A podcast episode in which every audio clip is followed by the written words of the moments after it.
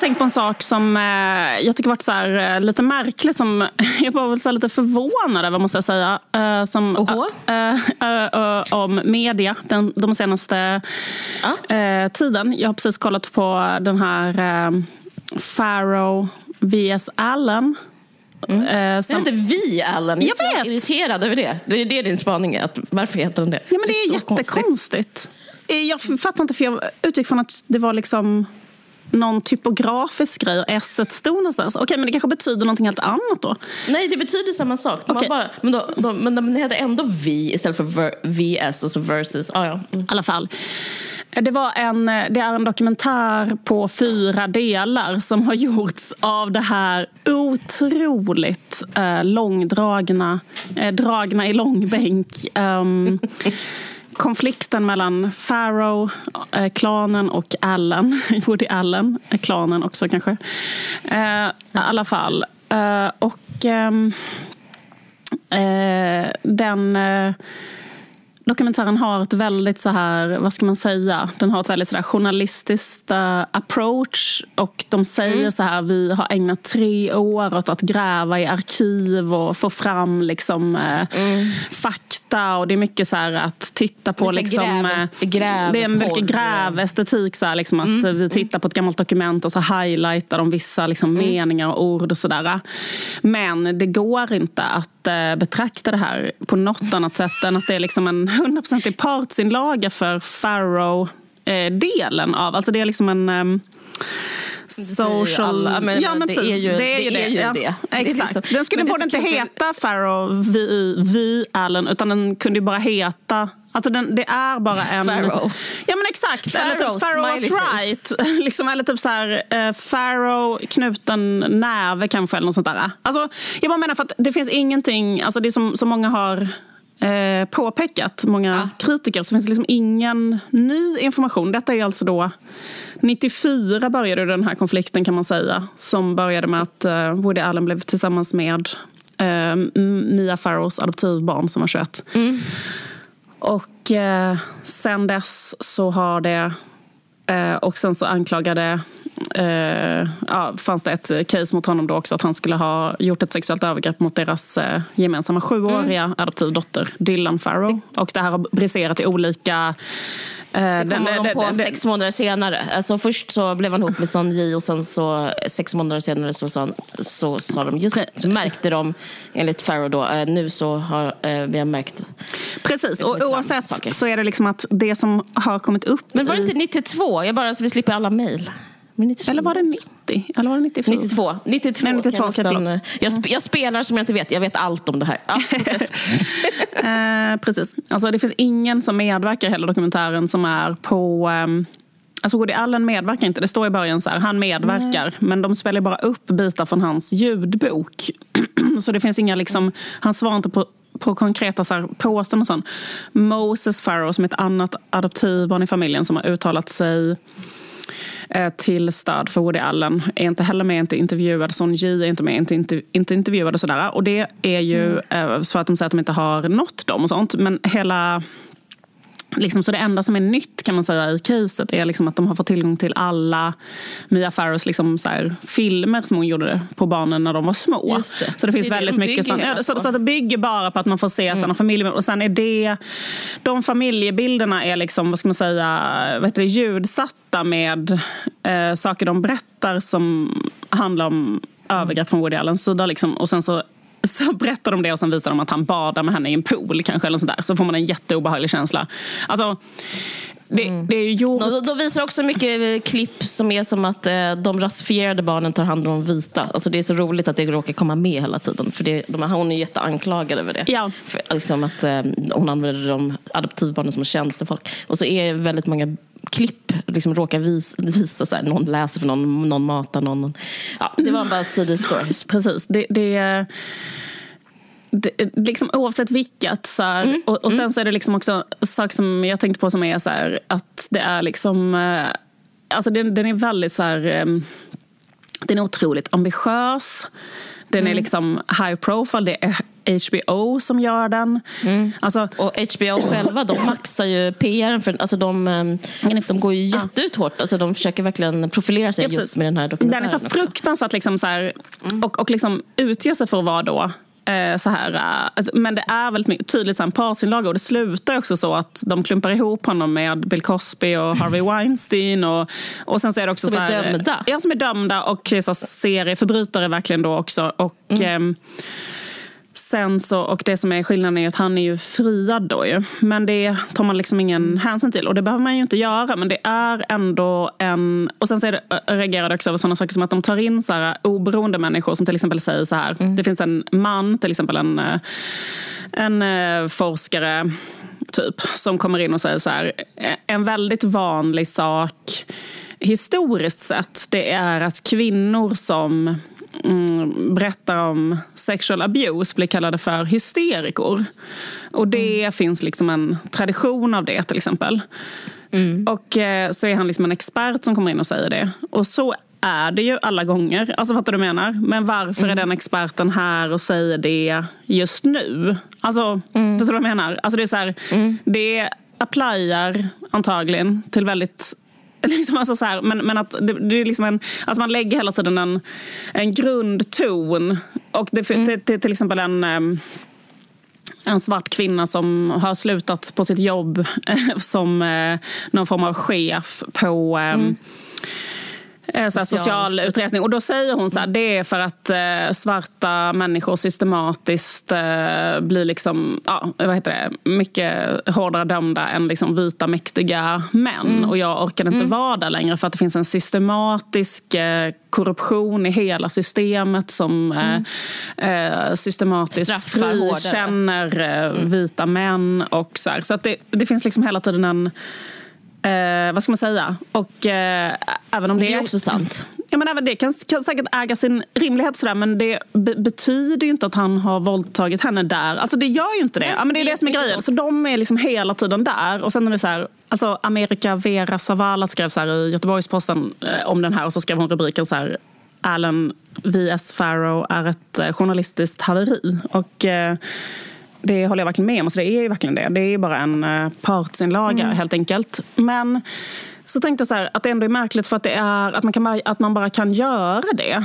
Alltså helt utan... Ehm, och, så, och det tänkte jag också på faktiskt med att det var så många såna eh, mm. på sista tiden. Också så här, prins Harry och Meghans intervju med Oprah är ju så. Alltså typ att det är mm. bara en sida som berättar så sin Eh, mm. version. Och sen är det liksom mm. mil en miljard människor tittar på det och sen så säger mm. de saker där som inte liksom bemöts där och då. Alltså de säger till exempel att så här, Harry, eller, eller vet du, Archie... Eh, mm. liksom det finns en, ett resonemang som handlar om att någon har frågat om hans hudfärg och sen att han inte blir prins. Och sen så är det liksom mm. så att ingen blir prins som har den ja, släktrelationen. Så det kan inte ha att göra med hans hudfärg. Sen kan de ändå ha varit rasistiska mot honom på andra sätt. Men just den grejen. Men vad jag skulle komma till, och även den här Framing Britney Spears. Den är, tycker jag, alltså det är också en sån eh, Alltså jag menar mm. bara så här, journalistiskt sett så är det liksom en mm. Eh, den är så otroligt välproducerad. Det handlar om ett jättebrännande ämne som alla så här, eh, du vet, känner till. Det handlar om en kändis. Mm. Man weaponizar lite grann saker som händer i de här kändisarnas liv.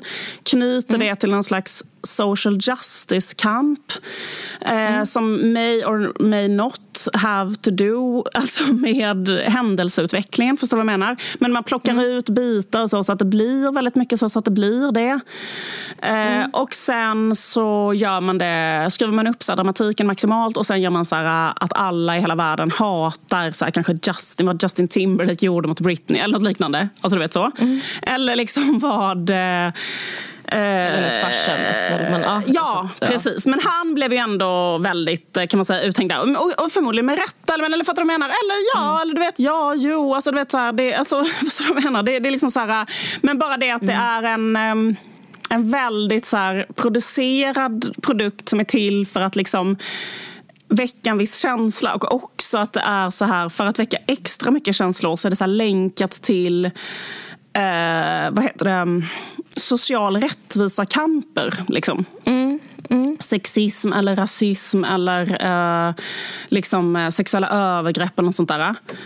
Mm. Och det gör att liksom, vad heter det, nivån på så här, känslorna blir så extremt stark för att man så här, blandar två så här riktigt Precis. potenta drycker. Den ena drycken är kändiskultur som är den liksom starkaste drogen vi har. Alltså det finns liksom i, alltså, nej, du vet så här, mm. Att mm. alla är besatta av de här människorna på ett helt sinnessjukt mm. sätt. Eh, och sen tar man så här, eh, slänger man in så här såna gamla maktordningar. Mm. Och liksom gör den här typen av så här, liksom, narrativ kring det. Liksom. Och att det är en väldigt, väldigt, väldigt, väldigt säljande produkt bara. Mm. Men det är också lite det det är. Alltså vad du menar? Ja, verkligen. Jag tänkte på det just med eh, Pharaoh V. Allen. Att den är precis vad du säger, liksom, att självklart så är man mot incest. Ja. Och eh, därför är det nästan svårt att titta på den och liksom tycka någonting annat om att, att man är för eh, offret. Mm. Alltså det går liksom inte att se i, med, i, på grund av kontexten. Alltså det finns en sån stark, eh, liksom redan vunnen kontext på något sätt. Om jag skulle säga att jag inte trodde på Dylan Farrow, eh, då skulle liksom det går nästan inte att säga det. Eh, för jag lekte med tanken att jag inte skulle säga det. Att jag inte trodde på henne menar jag. För då skulle det som att säga att jag inte tror på någon. Och det är det som blir så svårt med mm, det här. Att mm. då tror man, om man inte tror på henne, då tror man inte på någon överlevare av sexuella övergrepp. Mm. För att det är, liksom, det, är det, det, är de, det är den vågskålen. Alla överlevare av sexuella övergrepp eller inte. Ja, ehm, för det blir så, så här, ja, men um, jag, jag, tänkte på det också, liksom, att just nu så lever vi... Mm. Eller liksom att de har haft en väldigt... Mm. Så här, eller just också så här, vad som blir liksom weaponized i olika tider. Mm. För nu är det ju mm. som att en jättestor trend i journalistik har varit så här, mm. att gräva upp saker som var okej när det skedde och sen nu är det inte okej längre. Och sen säga, kolla vad de gjorde på den tiden. Alltså typ så. Det. Och det har ju varit också med Woody Allen, liksom, att man spelar upp tänker så här, i ljuset av det här övergreppet, så när man spelar upp de här gamla filmerna så säger han så här, jag vill ha en flicka. Jag vill ha en blond liten flicka om vi ska mm. adoptera ett barn. Jag vill inte mm. ha en pojke. Här. Om man mm. tänker det med glasögonen, han är pedofil, så är det ett jätte, mm. jätteäckligt uttalande. Alltså, ja, men om man är en pedofil som är, äh, vill äh, vad heter det, göra övergrepp mot flickor just. Just det. Äh, så, så är det liksom ett helt vidrigt alltså ett illamående, alltså illamåendeframkallande uttalande ju, när det spelas mm. upp i filmen. Verkligen. Eh, men så att liksom allting där, alltså allting blir, liksom, vad heter det, ses utifrån den, det ljuset. Sen måste jag säga att jag tycker liksom hela den här historien Alltså om jag ska bara gå in på det pyttelite så är det så liksom att mm. det som han har gjort, nämligen att han blev ihop med det adoptivbarnet, det i sig mm. är så mm. otroligt sjukt. Det är så att allting som händer efter det är liksom ett ganska normalt pris att betala. Alltså, så upplever jag det. Liksom, att det är, ja. alltså, jag, menar, jag skulle inte tycka att det var konstigt om Mia Farrow hyrde en yrkesmördare och stack dit och sköt Nej. honom. Alltså, förstår hennes vrede är hela tiden ja. rimlig. Ja, liksom, hennes rimlig. allt hon gör är rimligt. Allt, ja, Precis. allt hon gör är 100% rimligt. Och allt som de barnen upplever. För jag tänkte också på mm. det. Liksom så här, att de är med i en situation där, där deras pappa då blir ihop med deras syster. Mm. Och den situationen och att han liksom det felet han gör är att han mm. förstår ju inte. För han säger hela tiden på alla presskonferenser så här, jag älskar min lilla flicka och vill bara att hon ska komma tillbaka och jag vill jättegärna ha mm. vårdnaden och sånt. Så blir man så här, nej för att när du kysste det här adoptivbarnet mm. Eh, så Um, togs du ifrån, alltså det du gjorde då var att du förstörde dina barns liv. Förstår du inte det? Mm. För att jag menar, där Nej. och då så förstörde du hela deras liv. Och mm. det är liksom inte... Alltså, och det förstörde hela deras mammas liv. Och det tycker jag också är en sån grej som när... Alltså som jag tycker så här, också en sån grej i skilsmässor, att folk inte mm. fattar det. Typ när de har vårdnadstvister och så. Det är så liksom att om du förstör den andra förälderns liv, då förstör mm. du dina egna barns liv. Alltså det måste mm. man fatta. Att det var liksom så här, mm. om, om, du, om du tänker liksom göra en sån sak mot deras mamma som är att bli ihop med hennes adoptivdotter. Mm. Då liksom infliktar du ett så stort trauma så att du ska liksom vara tacksam om hon... Liksom, fattar du menar? Efter tio år kan typ så gå upp och göra frukost. Alltså förstår du vad jag menar? Hur lång tid tar mm. det att repa sig en sån sak? Det är liksom helt totalt Nej, men det, är, det, är, det är liksom ett, det är ett trauma. Alltså det går liksom inte, den vidden av vad han har gjort är Nej otrolig. Exakt. Och grejen är att det är ett ganska så rimligt straff att de barnen växer upp och piskar upp mm. hela USA mot så att han inte mer kan göra filmer. Ja, och han har ändå haft ett ganska bra liv. För att menar, för han är ändå ja. 85 nu, han har ändå fått göra jättemycket filmer och han kan göra filmer i Europa och så. Så att jag menar, det är lite ja, så här, that's life. Det är en ganska, norm, alltså, det är liksom så här, det går och inte att komma undan med hur mycket som helst. Det går inte att komma undan med den grejen. Nej, nej exakt. Det är nej. bara så här, that's life. Det var, nu, nu blev det en konsekvens liksom. Ja. Eh, däremot så tycker jag att det är så jävla synd om de här barnen. Alltså Dylan då. Liksom. För att när de säger sådär, oavsett om det har hänt eller inte just det sexuella övergreppet, uh. så är det så här bara det, alltså det är ett slags Något sexuellt... Ja, precis. Alltså det en är ett sexuellt övergrepp ja. att han har tagit naken så pornografiska bilder på deras syrra. Ja. Liksom, det är ett övergrepp.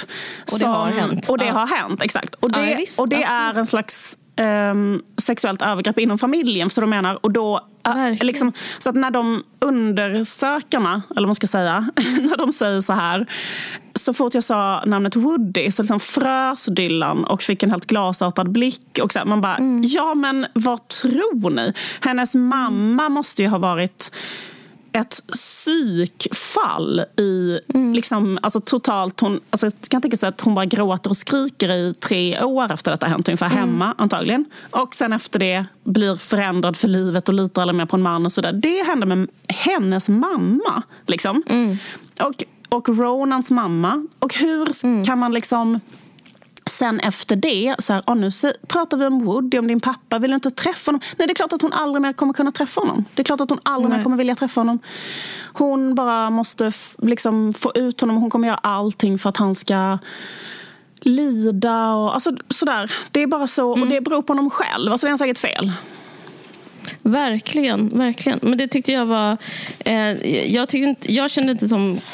Det som var klarhet med dokumentären var just liksom att Maya Farrow man förstår, man förstår henne. Man förstår liksom varför hon varenda steg hon tar efter liksom den här tragedin har eh, han har han liksom åsamkat henne den. Alltså, ja, men Precis. Jag verkligen med. Men sen tänker jag på en sak som är så här, typ att nu lever vi ett sant narrativ där man håller på med metoo. Ja. Eller nu är det liksom lite ja. grann på sluttampen av metoo. Och det är liksom kanske på väg ja. att bli något annat. Sådär. Men en annan sak som är ju man skulle lika gärna kunna göra en dokumentärfilm utifrån en annan typ av mm. narrativ som är det här som är jätteaktuellt just nu med DN och sådär. Men som har varit aktuellt redan innan det här med adoptions... Alltså vad fan, alltså vad mm. fan adoption är för någonting. Liksom, mm. Och hur det är för de adopterade barnen och sådär. Och hur mycket mm. Eh, psykiskt lidande det är att vara adopterad och hur otroligt shady um, omständigheter kring väldigt många adoptioner och hur många barn är mer eller mindre köpta och sålda och hur de har eh, vad heter det, och, och är det väldigt så svåra psykiska problem av att, liksom också så här, uh, av att tillhöra en annan etnicitet än sina föräldrar som liksom inte alls har någon känslighet för rasism. Alltså alla det här. Och det finns ju jättemycket mm. som börjar komma upp nu därför att de här barnen är vuxna. Liksom så här, om man skulle göra en film som handlade om det och utifrån det tolka Mia Farrow till exempel Mm. Och liksom hur de barnen... Alltså jag, jag, jag gjorde, apropå att det var journalistiskt haveri, ja. så är det så här, om det skulle vara en journalistisk liksom en, en ambition med objektivitet så tillhör ju det eh, miljön. Där de, vad är det för miljö som det här ja. händer i? Mm. Och då är det ju som att hon har 18 barn, mm. varav tre har av de här adopterade barnen mm. som har dött aids, överdos och skjutit sig själv. Jag tycker det är ett journalistiskt fel att inte väga in det i eh, den här dysfunktionella miljön. Så här, vad, vad, är det för miljö och hur mår alla i familjen av den här miljön? Ja, och där tror jag liksom att äh. även utan, alltså, även utan det, alltså, ja, det är ju otroligt ja. mycket högre självmord bland adopterade. Så även, ja. vi säger att det hade varit bara hon och en helt uh, normal mm. adoptivpappa uh, som aldrig hade gjort mm. någonting. Då är det ändå mycket möjligt att de adoptivbarnen skulle ha haft de här typen av problem bara på grund av att de är adopterade. Jag menar, hon berättade ja. hur det var när hon adopterade den här Lark Song, hon som sen dog när hon mm. var 35 av aids. Mm. Mm. Eh, och då så berättade mm. hon att eh, Mia Farrow hade väntat på flygplatsen med sin man mm. då, Andrew Previn. Och då hade det kommit en nunna gående med ett litet korg med ett barn och sagt mm. så här eh, votre bébé ici och bara lämnat den och, och vänt sen och bara gått. Så hon bara kom med sån korg på flygplatsen. Alltså de var inte i Vietnam utan hon, hon bara levererade den bebisen i en korg. Mm. Med de orden. Sen, men jag tänker också på Sun Ji som ja. blev adopterad när hon var sju mm. år. Mm eh, när man är sju år så har man liksom haft en livstid. Ja.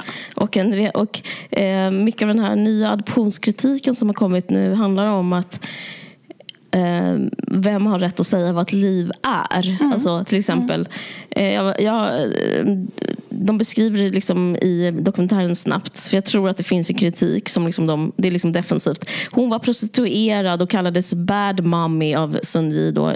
Men, men, men liksom, om du skulle liksom göra, kolla den här nya adoptionskritiken så är det jättemycket så här det spelar absolut ingen roll för ett barn om ens mamma är prostituerad eller, liksom, eller fattig eller till och med elak för ett barn vill vara med sin mamma och det kan ska, eh, skapa jättestora skador. Jag tänkte faktiskt på det när vi läste den här boken eh, av Vigdis Hjort att liksom det som händer i den tidiga barndomen är så otroligt eh, ja. Eh, det, det, manifesterar i ens personlighet. Så att, hur mådde Sun Ji? Alltså, hur paj alltså, var hon? Ja, men, alltså, alltså, hon är jättekonstig som blev ihop med modellen men Nej, hon var också adopterad som sju bast. Ja. Liksom. Så att allting, precis, jag menar också det, ja. det är inte konstigt. Hon Nej, följer liksom någon slags egen ja. logisk kurva. Som är så här, det, hon kanske bara ville bort från, hon kanske hatade Maja eftersom hon hade eh, hon tagit henne det. från sin mamma. Och eh, Woody kanske var snäll. Alltså det är liksom, allt det finns också med. Men, men, och, men, men, det, men, precis, men det tycker jag också är väldigt så här obehagligt. När jag pratar om mor-dotter-relationer. Liksom, mm, att, så här, mm. att hon, eh, Sonji berättar ju att Mia adopterade henne när hon var sju mm. och då var hon redan på ett barnhem där hon trivdes. Mm. Så det är också så här, hon var på en mm. plats där hon trivdes. Sen kom den här kvinnan mm. och då berättade hon att hon redan första intrycket av henne var så här dåligt. Att hon kände som att hon var så här mm. forcerat översvallande kramade om henne på ett konstigt sätt. Hon bara, vad är det här för tant? Mm. Och sen efter det att hon inte gillade henne under år. Alltså, och det berättar ju Mia själv. Att hon är så här, jag fick inte kontakt med henne. Och sen är det så här, jag tycker också att det känns lite som ett övergrepp. Hela den grejen hur Mia pratar om Son Ji. För hon slutar med dokumentären hon har ju en sån konstig Moder Teresa-vibb. Mm. Så att hon säger så här, I still love Sonji, I still love Sonji, säger hon då på slutet. Och sen man mm. så här, men du kanske älskade Sonji, för det är möjligt att hon mm. gjorde det. Sen så, mm. liksom så här, hon hade hon i och för sig då 18 barn, så jag vet inte hur mycket hon Alltså fattar du menar? Om hon hade en mm. sjuåring som kom dit och inte kunde engelska och sen hade hon 18 barn och att hon hade en skådiskarriär. För hela det här är ju också att hon, eller jag fattar inte, alltså jag, jag fattar inte det. det är här, jag har tre barn jag bara, och jag bara, jag, har, alltså, jag känner mig jätteotillräcklig för dem. Alltså fattar du menar? För jag hinner inte så här uppfylla. Det hänger vet. också som ett jättestort frågetecken. Alla nannies som var där, ja. för hon kan ju inte tagit hand om 18 på Nej, men de måste när hon jobbade samtidigt. Ja, de måste ha tagit hand om varandra. Det var väl det som var grejen också. Att uh. Sonji berättade att hon tog hand om de andra barnen hela tiden. Att liksom, mm. Och då är det också att det är möjligt att Mia älskade Son Ji, men Son Ji älskade inte Mia och har aldrig gjort. Och hon har inte betraktat Nej. henne som sin mamma och hon tycker inte särskilt Nej. mycket om henne. Och hon tycker att hon är rätt så, typ en rätt så eh, tillgjord, konstlad, jobbig kvinna som kom dit. Och hon mm. har rätt att tycka det. För, att jag menar, och det är så här, för, för det som hon kände också var ju att, eller hon berättade, för jag läste också en intervju när hon, eh, den här intervjun mm. som Son Ji gjorde då. Och då berättade hon att när Woody blev liksom kär i henne, för han blir ju typ mm. eh, förälder älskade henne då. Mm. Då säger hon så här, det var första gången någon älskade mig. Och det, kändes mm. så, det fick mig att känna mig så speciell. Liksom, för så kan det kännas när någon blir kär i en. Hon har ju ingen pappa. Det är så här jätteklassiska daddy mm. issues. När man fattar vad jag menar. Mm. Alltså, och eh, när man inte har haft en pappa och sen så kommer en äldre man och säger nu älskar jag dig. Och jag är den första som mm. någonsin har gjort det. Man bara, det är väl superlogiskt att hon kör. Mm. Alltså typ för första gången känns det kul. Och, bara, och han är säkert också en underbar person kan jag tänka mig. Det vittnar ju de om i den här, eh, alltså du vet, att det är säkert är jätteroligt mm. att vara med honom och leva med honom och så. Han är inte en vanlig äh, jättegammal gubbe utan han är ju typ en äh, Alltså fattar du vad jag menar? Nej, så det är klart att verkligen. hon tycker om att vara med honom. Liksom. Men sen... Äh, men det blev också en räddning. Det känns som att alla de barnen försökte rädda sig själv mm. på olika sätt. Och överleva på olika sätt. Och vissa överlevde inte men vissa gjorde det. Liksom då är typ alla sätt bra. Mm. Men, men en annan sak som är kritik mot Woody som jag tyckte var lite jobbigt apropå det där med att du sa jag vill ha att han önskar sig en blond liten flicka som ett barn. Jag känner också liksom en sån jag kan verkligen tänka mig att Woody Allen själv liksom har liksom, att han inte var så educated eller vad man ska säga vad det mm. gäller liksom, eh, vithet och rasism och sådana grejer. Man kan vara så biased i sin ras och han är så mm. vit biased. Och liksom, att han då liksom, med hans vithet liksom, har, gärna tar eh, Dylan till eh, en Broadway-pjäs och liksom gärna adopterar henne men kanske inte adopterar eh, den blinda mm. Eh, liksom Min eller Tam mm. så, allt vad de heter. För att liksom han, har, han är liksom white biased. Så att det finns liksom också de, de, de, stora makthavarna i den familjen har liksom en, eh, det finns en statusordning ja, ja, som är liksom en passiv rasism som är att så här, vi gillar vita mest och det är mycket möjligt att Dylan fattar den här pjäsen mer än den där, det där barnet som går på kryckor. Och så blir det som att det finns en hierarki i en familj där liksom de vita är, är liksom mer förstådda och har större utrymme än de rasifierade. Mm. Och jag tänker och, och, jag tror att Woody inte är ett helgon vad gäller det. För han, är så, nej men han, ja. han är så outvecklad. Mm. Alltså, mm. hans, hans filmer rör sig inte alls kring de frågorna. Utan han är väldigt så här, plockad vita privilegiets liksom, goda frukter. Och på ett väldigt underhållande sätt. Så är hans filmer jättemycket. Jag, jag, det jag menar med den här dokumentären är att den lärde mig andra saker än det den ville lära mig. Det tyckte jag var en illustration av. Men det är också så här, vad är det liksom, hur är det liksom att växa upp i den här statusordningen. Jag, fick, jag tycker man fick det liksom i lite hintar. Liksom. Man såg lite här och där. Och Det tror jag absolut inte dokumentären ville berätta. Men, men de gjorde det motvilligt. Och, Nej, men det är jättekonstigt. Ja. Och sen pratar de ju hela, de pratar ju, lägger vikt vid så här, att Woody mm. var en väldigt så här, mäktig, inflytelserik person i New mm. York. Och att mm. det kan ha gett honom fördelar i de här eh, rättegångarna och så. Och det kan mm. säkert stämma. Men en annan sak är att hon är också en väldigt privilegierad person med mycket mm. inflytande. För en sak som jag tycker är totalt mysterium, det är så här, varför mm. har hon fått adoptera så många barn? Alltså, liksom, ja. Hur kan det vara lagligt? För då, för då var det så här, eh, typ en, och, och, hon är ensamstående. Alltså för ensamstående ja. kvinnor får ju aldrig adoptera barn. Eller det ska vara jättespecifikt. Liksom så här, en ensamstående kvinna som redan har sju, åtta barn.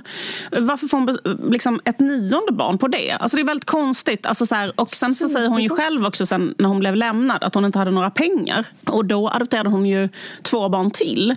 Och då blir man så här, men du, om du inte har någon inkomst och du redan har för det handlar inte bara om att ta hand om dem när de är små. Jag tänker bara på sådana saker som att mm. sen att så här, de kanske vill ha en eh, vad heter det, college education. Allting sånt kostar jättemycket pengar i USA. Alltså hur kan man betala mm. för 18 barn? Alltså det kunde hon väl inte? Eller vem har gjort nej, det? Eller för att. Nej, men precis, exakt. Och, och liksom så här, det måste ju vara då...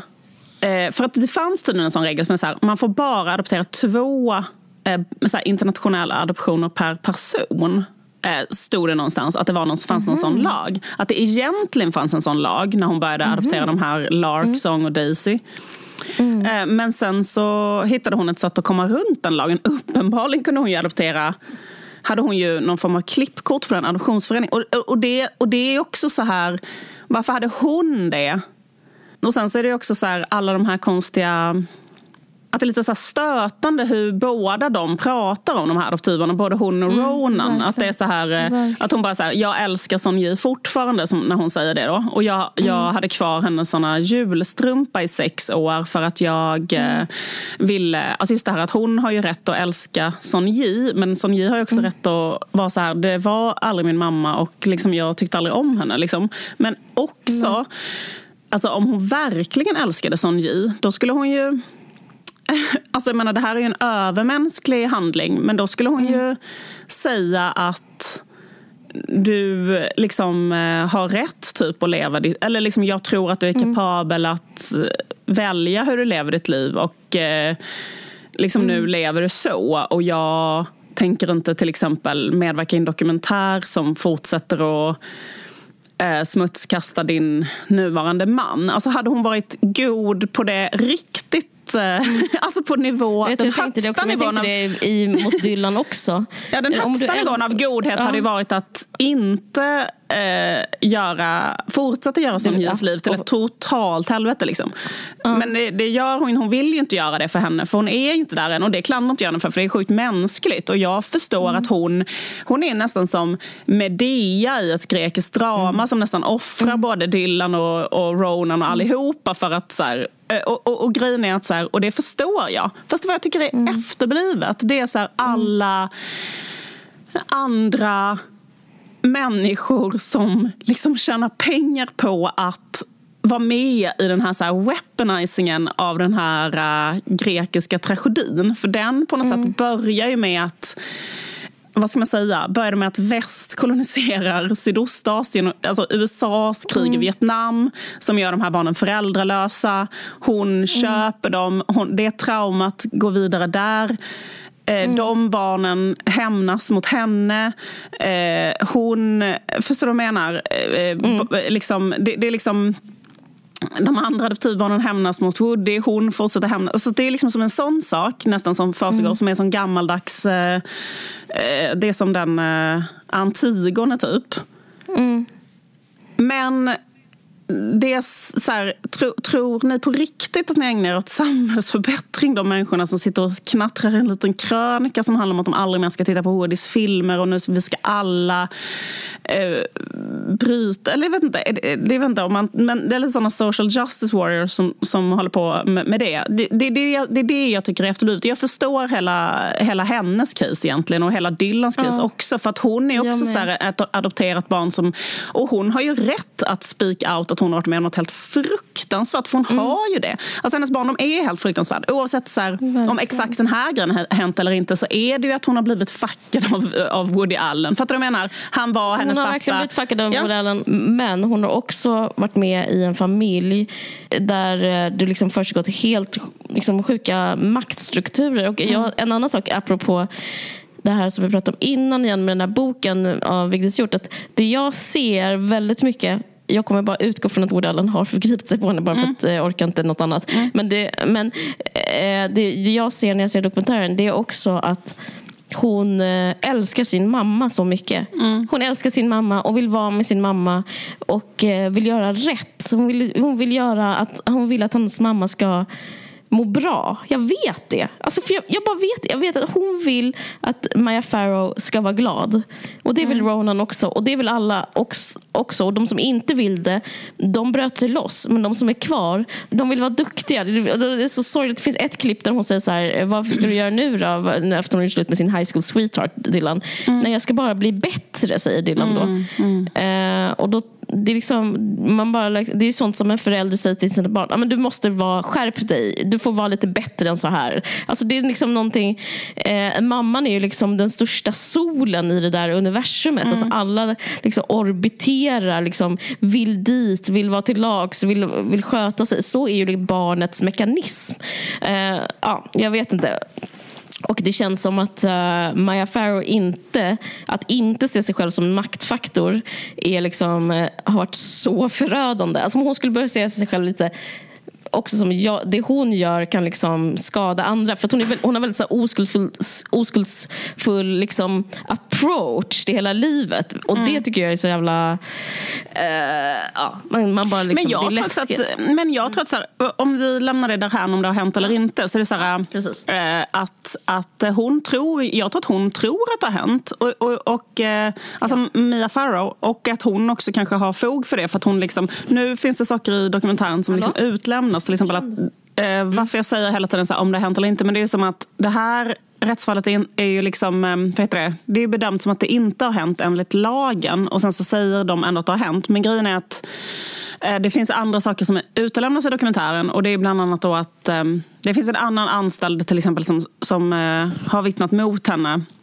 då som var i huset samtidigt. Så här. Till exempel, och hon är inte med i dokumentären och sådär. Alltså, att, eh, alltså så här, jag är inte total lekman, men det känns som att hans grej är absolut folk som är så här 17, 18, 19 och alltid har varit. Mm. Alltså, och det är liksom en annan grej än kanske en sjuåring. Men, men grejen hans, är att hans grej är typ så college students. Ja. Alltså han älskar så ja, men exakt. En female college ja. student. finns inte en film i hans eh, bibliotek som inte Innehåller det den nej, han, liksom, tropen eller arketypen? Nej, han är, hund, han, är, han, är, han är gubbsjuk. Han är 100% gubbsjuk. Han är liksom bara Gud, så helt besatt. Alltså han är liksom en 100% så här. Han vill ligga med eh, ja. typ eh, folk som har så här toppiga bröst. Alltså, det är självklart. Och, och, och, alltså, det är det liksom, han håller på med. Och jag tycker liksom hela grejen också att det, att det för, förekommer ju som ett mönster och att han också mm. ha, har sagt, alltså exakt samma sak som förekommer i Manhattan. Det sa ju han till Son Ji som är ett sån himla typisk räknereseplik från en sån gammal gubbe som vill ligga med en mm. collegestudent. Typ att den så här, mm. Du bara roade med mig lite och sen go off and find another boyfriend. Liksom. Mm. Och sen så, så mm. gråter hon jätteledsen och är så här, men jag vill inte ha någon annan pojkvän, jag vill att vi ska vara ihop. Och, då är det så här, men, alltså, och det är också bara ett konstigt spel att säga till henne, alltså, det är ett sätt att ursäkta sig själv.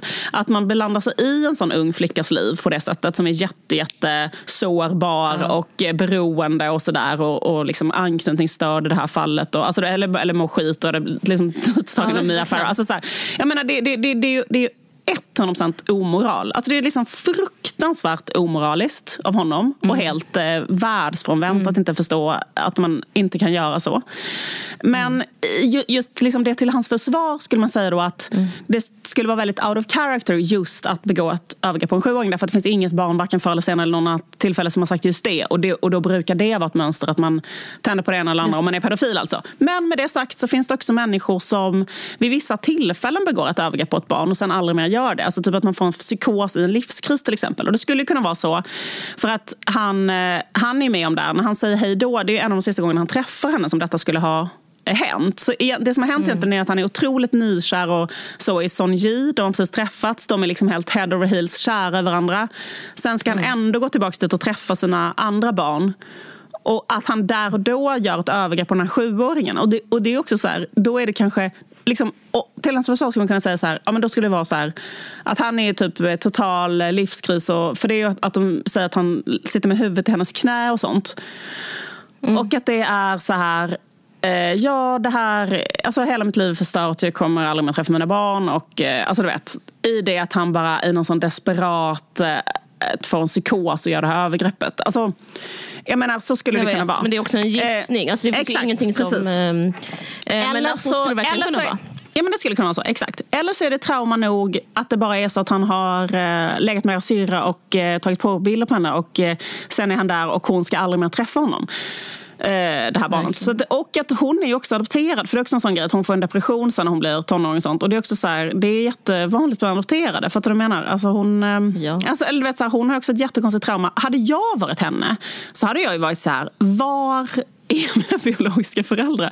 Alltså, jag menar, jag skulle letat, försökt leta upp dem på studs och kan de här sinnessjuka Hollywoodskådisarna, liksom, vad fan har de på med att adoptera in mig i den här familjen? Alltså hur fan kan det vara, ja, alltså förstår du vad jag menar? Hur fan kan det vara möjligt att liksom, tänk att man är så ett barn och man bara, jag skulle kunna komma till vilken familj som helst. Till vilken familj som helst. Sen bara den familjen med de här 19 eh, ja. adopterade barnen redan. Det är sant. De här två Hollywoodskådisarna som är så superkarriärister.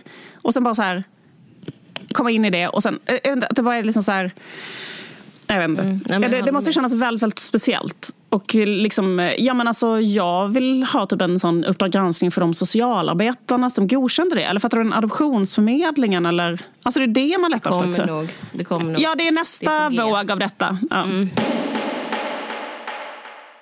Nu i mars öppnar den legendariska fotografen Sarah Moons nya utställning på Fotografiska i Stockholm.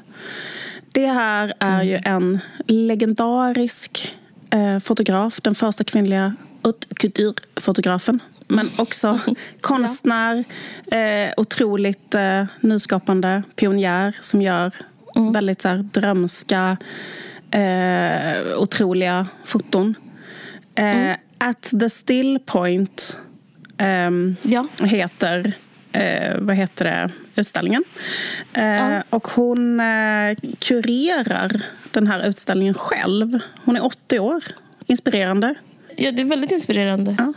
Nej, men jag tycker det är spännande med henne för att hon man kan typ tycka synd om fotomodeller. Alltså hon var så en jätteframgångsrik fotomodell. Mm. Eh, kan inte du känna så att man är så åh nej, en fotomodell, hur mår hon? Nej, jag tycker faktiskt inte det. Men fortsätt. Ja, du tycker inte nej, jag, tror Okej, bara, ja, jag, tror att jag tror att det är någonting man själv hittar på för att man mår så dåligt för att man inte har deras liv. Jag tror att deras liv är helt underbara. Alltså jag tror, tänkte att okay. så vacker och så rik och vad är de sammanhang? Ja. Fortsätt. Men i alla fall. Men tänk ändå, jag skojar. det är så saker man måste säga till sig själv för att stå ut.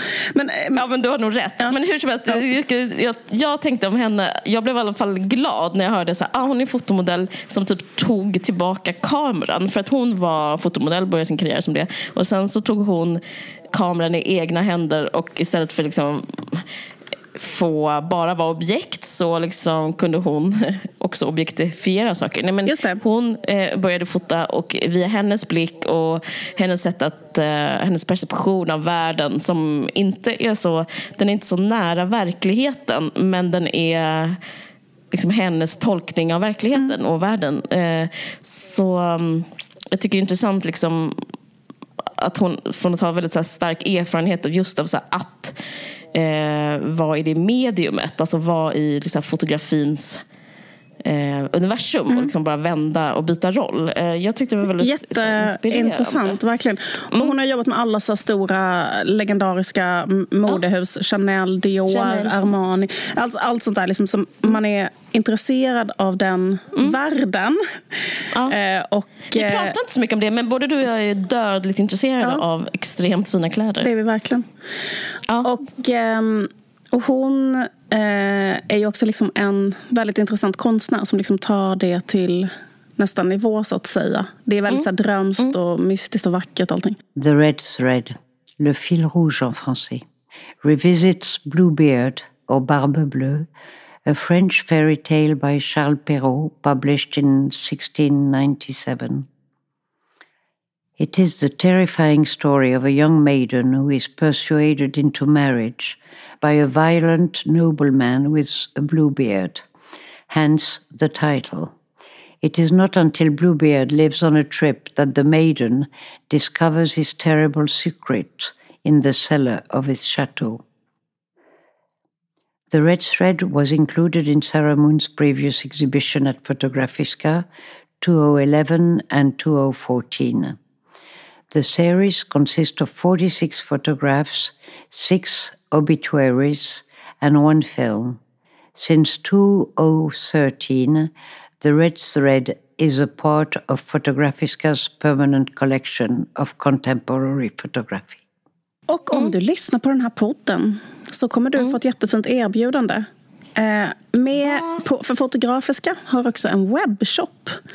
Mm. Eh, och med koden VARG eller om du anger varg när du handlar i den riktiga butiken, alltså den fysiska butiken, mm. så får du 25% rabatt på alla böcker om Sarah Moon.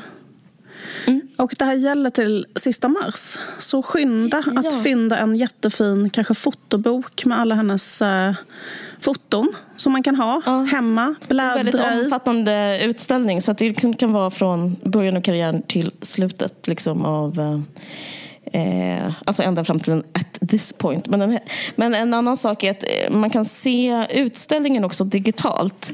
Eh, och den håller på till 30 maj. Helt ja, fantastiskt. Vad kul. Vilket bra ja. tips. Mm. Och eh, vi mm. vill säga tack så jättemycket till Fotografiska för det här samarbetet. Som ja, vi gärna gör. Och rekommenderar varmt ja. att ta del av det här underbara mm. kvinnans konstnärskap. Tack Fotografiska. Tack.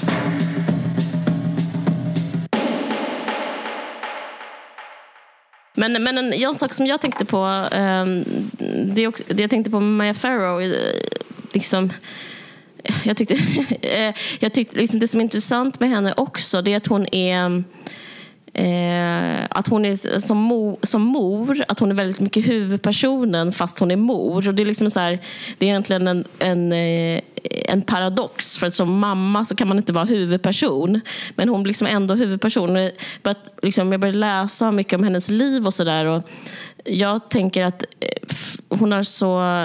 Varför det kan vara extra svårt för henne att hennes, hennes kille blir ihop med hennes dotter och ligger med henne och tar porrbilder. Liksom att hon har eh, som narcissist och som skådis och som ego så har hon liksom levt ett, ett helt liv också som handlar om att hon är den mest åtråvärda alltid. Alltså det, är liksom, det finns ett mönster i hela hennes liv som handlar om att Alltså hon, det, hon, det, det Sanji gjorde, gjorde hon exakt. Alltså på matematisk liksom, eh, uträk... Eh, hon, hon, blev, hon gifte sig med Frank Sinatra som var också exakt lika eh, mycket äldre än vad hon var. Alltså, hon var 90 19 och Frank Sinatra var 51 tror jag när de gifte sig. Det. Eller ble, blev ihop.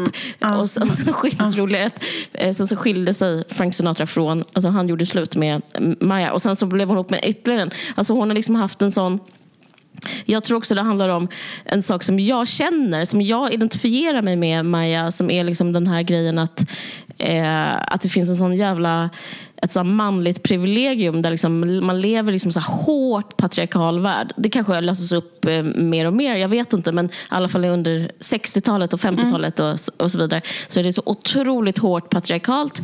Eh, det, folk var liksom, eh, log snett, var smått roade när hon gifte sig med Frank Sinatra.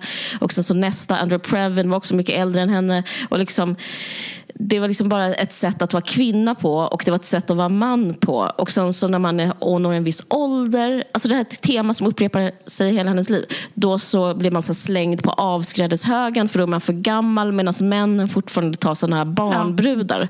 Och i Hollywood så är det så extremt mycket hon, när hon blev ihop med Anthony Previn så bodde hon i samma hus som Anthony Previn och hans dåvarande fru Dory Previn blev gravid. Och de hade inte ens skilt sig. Och hon så här, sen blev hon så slängd på någon, eh, hon åkte in på mentalsjukhus. Och liksom hennes liv var slut. Och sen så nu sista akten på något sätt så är det Maya Farrow som hon har slutat spela den unga flickan som de äldre männen swoonar över. Utan istället så ser hon liksom sitt sin dotter liksom bli vad den, ta den rollen och själv så förstår hon då, ja, enligt den här logiken, den här, så här hårt, hårt patriarkala logiken med ageism och manligt privilegium versus kvinnligt. Alltså jag kan också känna hennes, hennes liksom kvinnliga ilska är också min kvinnliga ilska. Alltså, alltså jag förstår hela den... Precis, och jag tänkte på en grej som, jag, jag tänkte på en grej med henne som är att, som jag tycker att, att hon går i fotspåren med andra så kvinnliga Hollywoodskådisar. Att som jag, för, jag, för jag tänkte på en grej som Erika Jong skrev i den här Fear of 50 som jag läste. Som handlade om att liksom, eh, kvinnor som är över 50 måste själva uppfinna eh, ett, liksom, ett sätt att vara en produktiv kvinna över 50. För det finns inga... Alltså man måste liksom hitta på... För att, att vara kvinna Precis, är bara att vara... Ja. Ja, precis. Nej, men Att vara en snygg tjej. Och sen det är det man kan vara. Och sen om man inte längre kan vara så en snygg tjej. Då är det så här, men vad ska jag vara då? Och då, är det så här, då, då, är det liksom, och då menar Erika Jong väldigt så här hoppfullt och inspirerande tycker jag i sin bok. Att hon menar så här att det måste man... Liksom det är upp till oss att visa eh, vad det är eller vad det kan vara. Liksom. Som är så att vara liksom en en, eh, till exempel så jag det så himla, himla synd att den här vägen som jättemånga av de här kvinnorna vandrar. Det har ju också sån Gwyneth Paltrow tycker jag är exakt likadan. Angela Jolie är exakt likadan. Alltså, vad heter det, hon? Susan Sarandon är exakt likadan. Att liksom det man gör är då liksom att man istället för att fortsätta skapa så blir man istället så här en sån ambassadör för Darfur eller alltså typ sånt där. Som också så här, är viktigt men det är också någonting i det som är Eh, Alltså att man håller på att jobba med Unicef och så istället. Alltså så gör ju alla de... eh, Alltså Gwyneth har ju slutat göra filmer och sen kanske håller på med något ännu sjukare. Eller menar ännu sjukare. Jag menar, det, jag menar, hon håller på med så här, eh, vad heter det, så här, eh, intim deo typ. Nej men alltså jag vet inte vad hon gör. Men alltså hon gör något helt annat. Men jag bara menar att de inte fortsätter. För att det som hade varit himla, för det som man tycker är så himla eh, tråkigt som eh, i patriarkatet är ju liksom att eh, de här filmerna som Woody Allen har kablat ut i 49 000 år.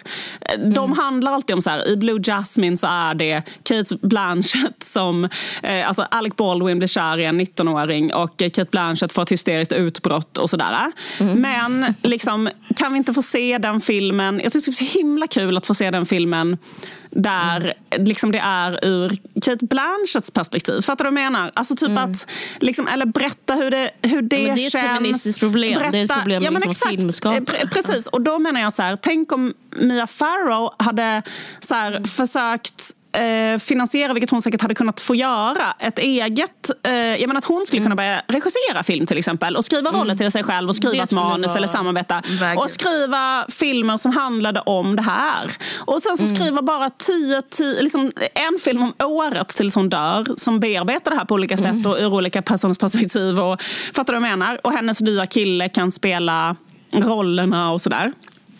Mm. Och eh, liksom att det är liksom, alltså, när man längtar efter den här nya kvinnan som Erika Jong mm.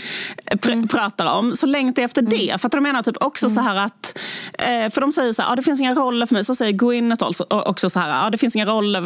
Det känns så meningslöst att på med film och konst och sådär. Och det finns inga roller för mig och det finns liksom ingenting att göra så i Hollywood för mig. Och Angelina känns ju lite likadan. Alltså det, det, är som det, man, det, man, det, man, det, man, det man hänfaller åt är det här andra då. Liksom. Mm. Eh, med den här otroliga, så här, man sysslar bara med så här godhet och Moder Teresa och att vara en mor och att liksom samla på sig fler och fler och fler barn och eh, goodwill och eh, vara social ja. justice warrior och hela det här. Liksom så här. Och det är liksom kan nästan kännas som någon form av så här kvinnofällan. Men alltså, fattar du vad jag menar? För jag, bara så här, jag vill att du ska berätta hur det kändes för dig i en film. För att det är en av världens bästa skådespelerskor. Alltså, liksom, jag skulle vilja samarbeta med henne. Du skulle kunna skriva manuset. Ja. Fattar du vad jag menar?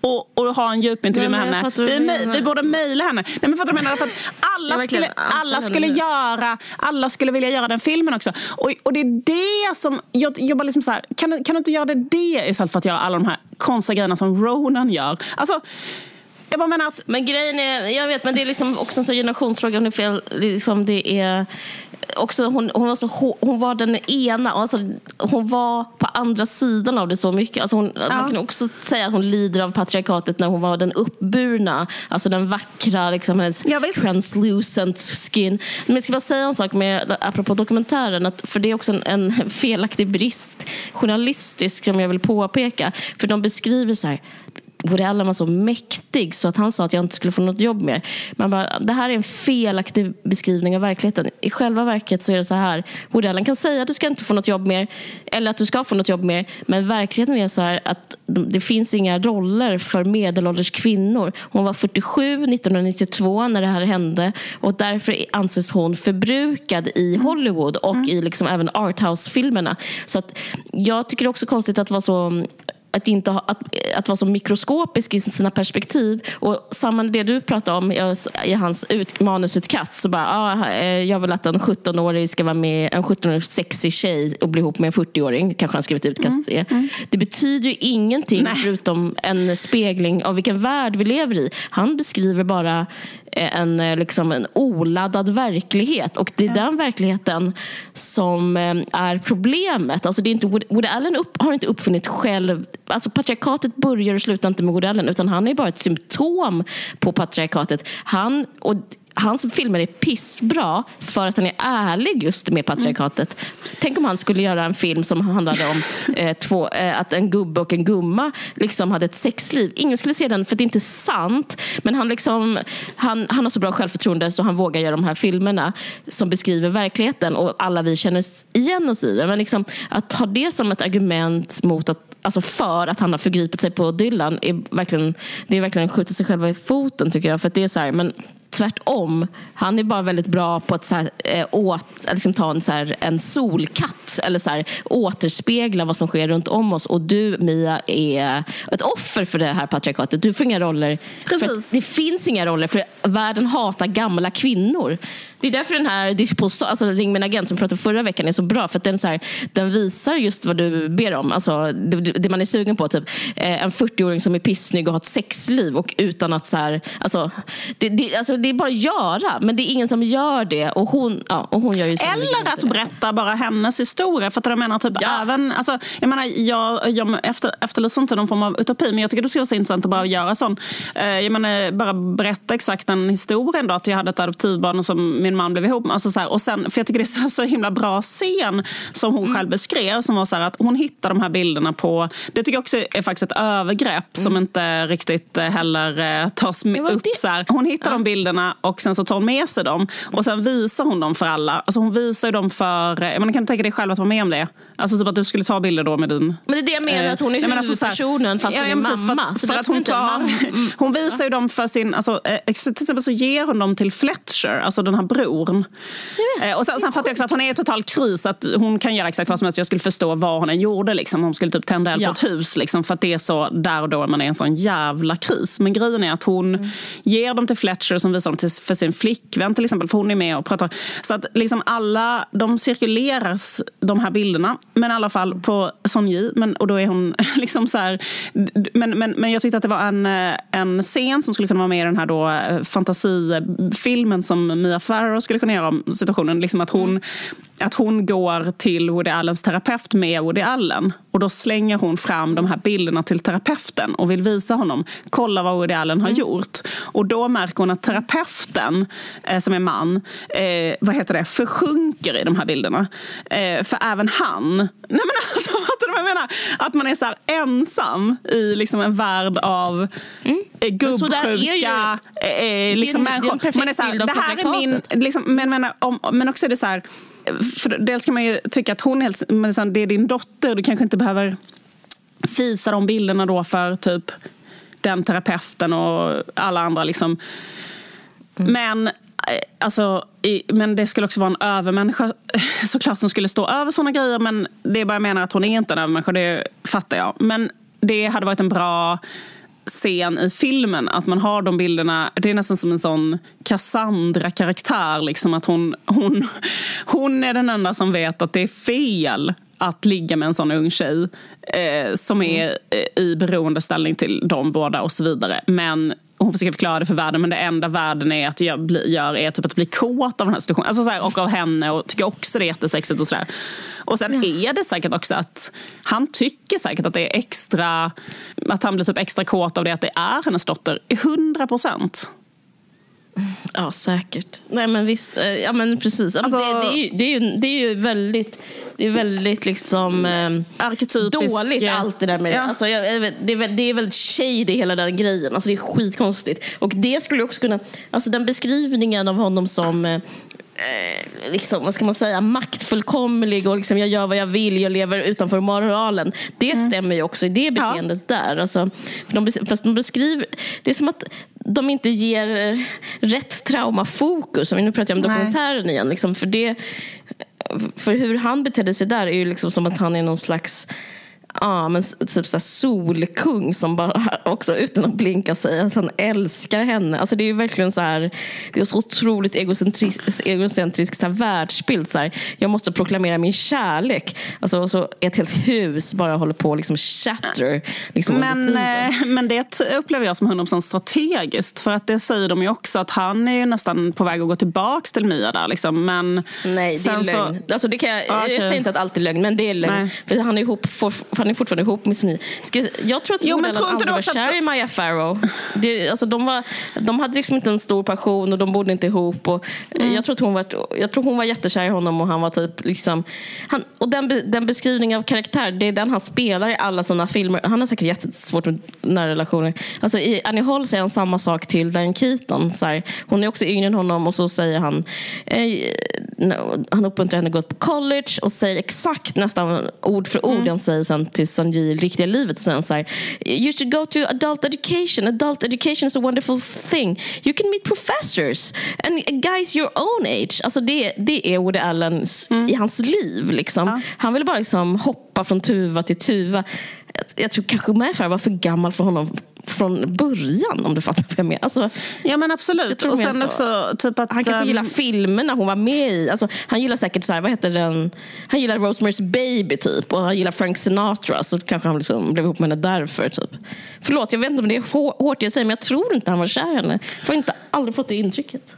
Nej, precis. Men jag tror också så att anledningen till att han och Sonji fortfarande är ihop det är liksom för att de är, mm. eh, att det är liksom ett eh, otroligt så här, afrodisiak eh, och verkligen så här, eh, nyckeln till att vara mm. ihop länge är den här grejen. Att man har en gemensam fiende. Alltså det är det som är hela Meghan och Harrys grej mm. också. Att varför de säkert kommer vara lyckliga, vara lyckliga resten av sitt liv. Alltså därför att, så här, nej, men för att jag menar. Mm. För det är så här, finns inget större det finns ingen, så här, inget som får det att puttra på mer än det att vi Nej. två är eh, renegades och eh, alla hatar oss men vi har varandra och eh, alla ser vad alla gör mot oss och du vet sådär liksom. Eh, och mm. att de säkert, jag menar fattar hur mycket Son Ji och Woody har suttit och snackat skit om Mia. Alltså vilka samtalsämnen, alltså de kommer vara ihop hela livet för att de har så mycket att säga om det, hur sjuk i huvudet hon är. Men, mm. Eh, men det är liksom inte inte sant. För den som är sjukhusen som gjort fel är han. Och han liksom, och, alltså jag menar i det här fallet. Och det är liksom så himla... Mm, han kommer aldrig att inse det. Liksom. Och för att så här, um, det är liksom... Um, och att han håller på att säga så här. Ah, jag har gjort allt för att få tillbaka mina barn. Men det har du inte det. För att nummer ett om du vill få tillbaka dina barn. Det är att vara normal mot deras mamma. Det är bara så, det är bara så. Alltså, om du inte är det. Mm. Och då... Liksom, för det här bara, ah, hon förgiftar dem. Man bara, ja men det handlar liksom om att du har gjort någonting som är, tror jag, oförlåtligt i grunden. och då kommer det aldrig, exakt, och det kommer aldrig att bli bra. Och då blir det, kommer det aldrig att bli bra. Så den sekunden du gjorde det så drog du detta på dig själv. Alltså det är så.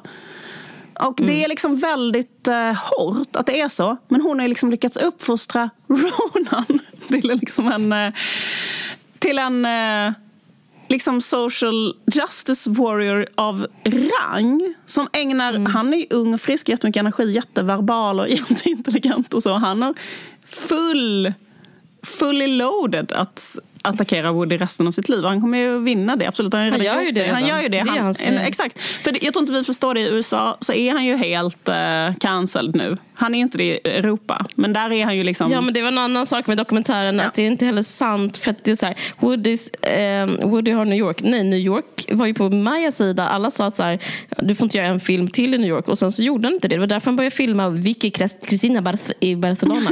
Vet, så, alltså, ja. När man började med liksom Matchpoint och allting, det har att göra med att han inte fick, han fick ingen funding i USA. Så det är också den här dokumentären, man bara, varför säger ni saker som inte är sant? Alltså, det var ing, han, han blev persona non grata.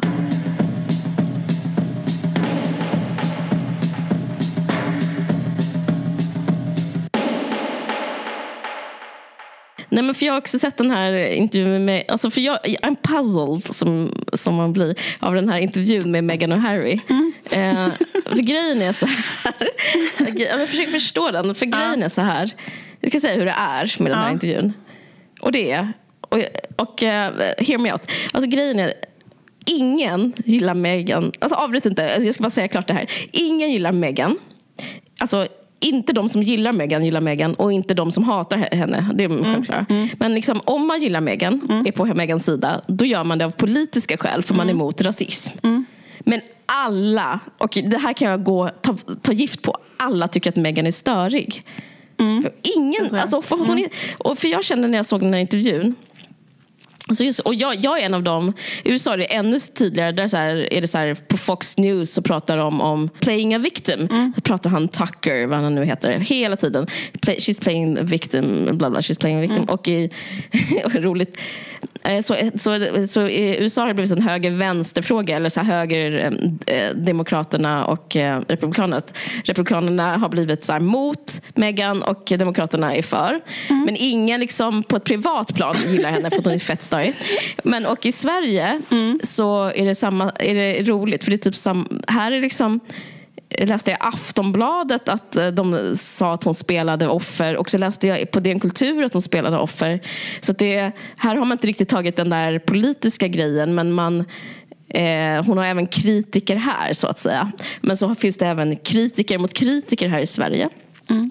Som säger att det är rasism att inte gilla mm. henne. Mm. Och, eh, men även de som tycker det är rasism och inte gillar henne gillar inte heller henne. Men så i alla fall, det jag tänker med den här intervjun det är så, så undrar jag men varför gillar man inte henne? Vad är det som inte händer? Mm. Och eh, jag tror att det är så här att man blir arg på Meghan för att man inte blir rörd av henne. Alltså setupen är ju att man ska bli rörd. Mm. Att hon ska berätta någonting som känns liksom hemskt. hjärtat. Ja. Och det, känns, det ska kännas hemskt. Hon ska berätta information som ska få mig att gråta. Alltså för det är genren av den här mm. intervjun. Mm.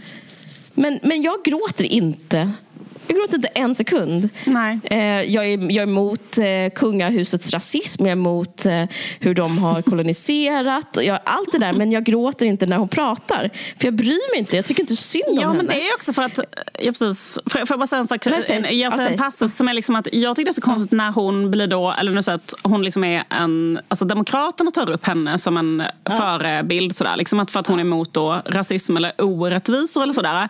För jag tycker att det är så himla svårt, det är så svårt att sympatisera sympatisera med henne, det hon är arg för i intervjun. Till exempel när hon säger så här, baby Archie was not a prince, he was not considered a prince. Och sen har hon så här, tårar i ögonen. Så här. Och, så är jag så här, och så blir man så här, ja mitt barn är inte considered a prince. Fattar du vad jag menar? Mitt barn är inte considered a princess, mitt barn är inte considered a prince, mitt barn har inga privilegier. Alltså, så här, nej, men alltså, hela institutionen är ju fel. Alltså, du, inte. Nej, men alltså, du är ju representant för någonting som är totalt sinnessjukt från början till slut. Och, det är så här, va, och, och, och sen är hon ledsen för att hon inte då är lika inkluderad i det. Men då fattar jag inte liksom hur en vänster eller liksom hur en demokrat eller så, för att Nej, menar, men det eller en liberal. Nej, men det, det, men Det- det, nej, men det, det, det är det som, som inte går ihop i mitt huvud. Därför att så här, det är, inte, eller är det det vi är ledsna för nu? Att hur deras såna successionsregler inte inkluderar alla familjemedlemmar.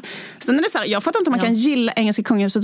De är så, jag tycker att de är så extremt okarismatiska. Jag måste säga att jag tycker hon är den mest, ändå den mest likeable. Om man tittar vilken eh, motståndare, alltså jag menar de här, alltså prins, alltså hur drottningen är. Jag förstår inte hur man kan, liksom, hur, varför de, eller hur hon, vad heter det, Kate Middleton och alla de här. Där tycker jag ändå att hon, Ja. alltså Meghan är ändå liksom vältalig, otroligt snygg och liksom har en annan, tycker jag, karisma än dem ändå, eller? Eh, Jag gillar Kate Middleton också. Men, men, men eh, grejen är att det, det har ju, det, alltså det, att vara mot Meghan är att vara för liksom eh, blod, alltså jäm. slaveri.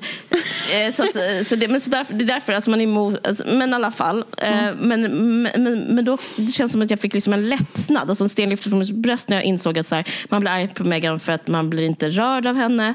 Folk stör sig på henne därför. Eh, men grejen är, nu ska jag recensera den här intervjun. Den är fel gjord också. För det som är bra, det är fi- den är bra den här intervjun. Och det är när Harry pratar. För det Ah. är där liksom, när han pratar, det är det, är liksom, det, det är det som är det är helt otroligt för att det han vet, alltså när han, jag, jag bara grät, mina tårar bara strömmade när jag hörde honom prata. För att det han gör, jag ska be Niklas klippa in också. Eh, Eh, han pratar om sin mamma. Och eh, utifrån man, och man tycker inte om folk för deras politik. Man tycker inte om folk som de gör en deal med Netflix eller om de inte gör det. Eller om de är liksom royals. Men man tycker om folk som um, har förlorat någon. Och är liksom, han, han liksom följer sitt psykologiska mönster. Och jag förstår, liksom honom, jag förstår honom så mycket. Och när han pratar om så här history is repeating och pressen. Det är pressen, liksom, alltså media. Jag bad media att inte som när jag var pojkvän, när jag var eh, make, när jag är far. Jag ba, bad media att sluta. De, vi vet ju hur hemskt det kan gå. Vi, har vi inte lärt oss någonting? Då pratar han liksom, alltså jag börjar nästan gråta när jag pratar om det. För då är det som att han med Megan, Megan, med Megan så försöker han och med det här uppbrottet, att lämna familjen och med den här intervjun så försöker han liksom återkalla de döda. Och att se det så i realtid, att se, höra honom liksom ropa på sin mamma. Åh, det är så det är liksom så otroligt äkta och så otroligt starkt. Men en annan, jag kommer att tänka på det för jag läste Hanna Hellquists text om smuts. Att smuts är skamligt. Jag vet inte om du läste den? Nej, jag har inte läst. Eh, ja, men den är typ så här, det sista tabuet för en kvinna eller för en människa det är liksom att erkänna smutsen. Typ eh, att man byter inte trosor, man låter så här, yoghurt Okej. torka in. Och, eh, hon bor med djur och det verkar svinäckligt typ att en höna skiter på en matta typ, inomhus. Det är och sånt där. inte socialt accepterat. Nej, inte men nu ska jag Nej. fall fortsätta. Mm. Nej, precis, jag ska fortsätta. Men grejen är, det fanns en annan sak som jag kom att tänka på när jag läste den texten och såg den här intervjun. Att det finns ett släktskap. Ehm, för det finns också så här, folk har blivit så arga, så här, och med rätta kanske, eh, liksom, stackars rika flicka. Har du tänkt på riktiga, alltså tänkt på liksom socialgrupp snart. 3 Ja, som, och arbetarklassen som mår dåligt. Eh, så därför kan man, det jag tror Lena Mellin skrev om det i Aftonbladet. Eh, men, eh, men grejen är, då, och så har motargumentet varit så här, psykisk ohälsa finns i alla grupper, fine. Men man känner inte hennes psykiska ohälsa, det är därför man inte bryr sig om det. Men man känner Harrys liksom sorg. Och där, den, den sorgen, den är liksom argumentet för varför det finns sorg och psykisk ohälsa i alla klasser. Alltså det är inte Meghan som är Diana, det är liksom Harry. Och i alla fall, när jag läste om Hanna som beskriver en, liksom en underklass mycket mer eh, så fick jag också samma... Eh, jag blev också berörd. Jag blev liksom rörd av hennes sätt för det var hon och Harry liksom lika. Det hon gör, för hon beskriver sin pappa som alkoholiserad, alltså så grav alkoholist, hade så här möss hemma och äckliga sköldpaddor och levde totalt som en svinstia. Mm. Att det hon gör när hon försöker då när hon liksom lever i sin smuts så, och så börjar hon skriva om sin pappa och min pappa levde i sin smuts. Så det är också så här, ja, men du försöker återkalla de döda och Harry försöker återkalla de döda och ni, ni älskar er mamma och ni älskar er pappa. Och det, är liksom så, det är liksom det förenande. Så att liksom, jag bara skulle uppmuntra alla istället för att tjata om att Meghan är bortskämd eller oäkta för att hon är det. Liksom, eller whatever. Jag, bryr, jag har ingen känsla för henne, jag bryr mig inte om henne. Så det är liksom Harry man ska titta på. Och även Oprah tycker jag gjorde fel. Hon skulle ju fråga honom. Han vet ju allt. Så här, vad hände där inne? Varför? Han berättar så här, när, att Meghan sa att hon begå, ville begå självmord. Eller hon ville det. Jag tror på henne 100%. Hon ville gå självmord. Att han inte vågade, fråga, vågade liksom säga till sina, sin familj. Så här, jag vågade inte be dem om hjälp. För att man gör inte sånt. Alltså typ, det var sån, så många sådana nycklar till en beskrivning av det liksom helt sinnessjuka stället som inte som var mycket mer talande än det där med hudfärg på Archie. För det tycker jag, det hade jag kunnat berätta utan att den intervjun fanns. Alltså det kan man väl tänka ut att de tycker. Liksom. Ja, men alltså, att de ställer sådana frågor att de inte är woke. Mm. Eh, Prins Philip och Camilla och dem. de är inte woke. det, var nej, men jag, det var så kul när uh, jag såg så här, uh, klipp från engelsk tv. Uh, att där är alla så, eller många är väldigt besatta av kungafamiljen där och otroliga ja. royalister. Men då var det en som mm. bara liksom var så jävla upprörd och sa så här The Queen is not a racist. But what, liksom, tänk på allting så, what she has sacrificed for the commonwealth. She's the queen of the commonwealth. How, liksom, hur kan hon vara racist? Hon är ju drottning över, alltså, eh, så, så, så, här, jag vet inte vem hon är drottning över. Hon är deras Aboriginerna. Nej, men alltså, så här, exakt, hon är liksom deras drottning. Hur skulle hon, då kunna vara rasist? Det var så himla roligt. Nej, men det var så, det var så himla kul för man bara säger ja men det är att hon är drottning över aboriginerna som är hela grejen. Alltså, så här, men grejen, det, är liksom, det är det som är, nej, men det är det som är, nej men exakt, det är det som är, alltså, eller vad, liksom, vad, vad är, vad är annars i, i men precis.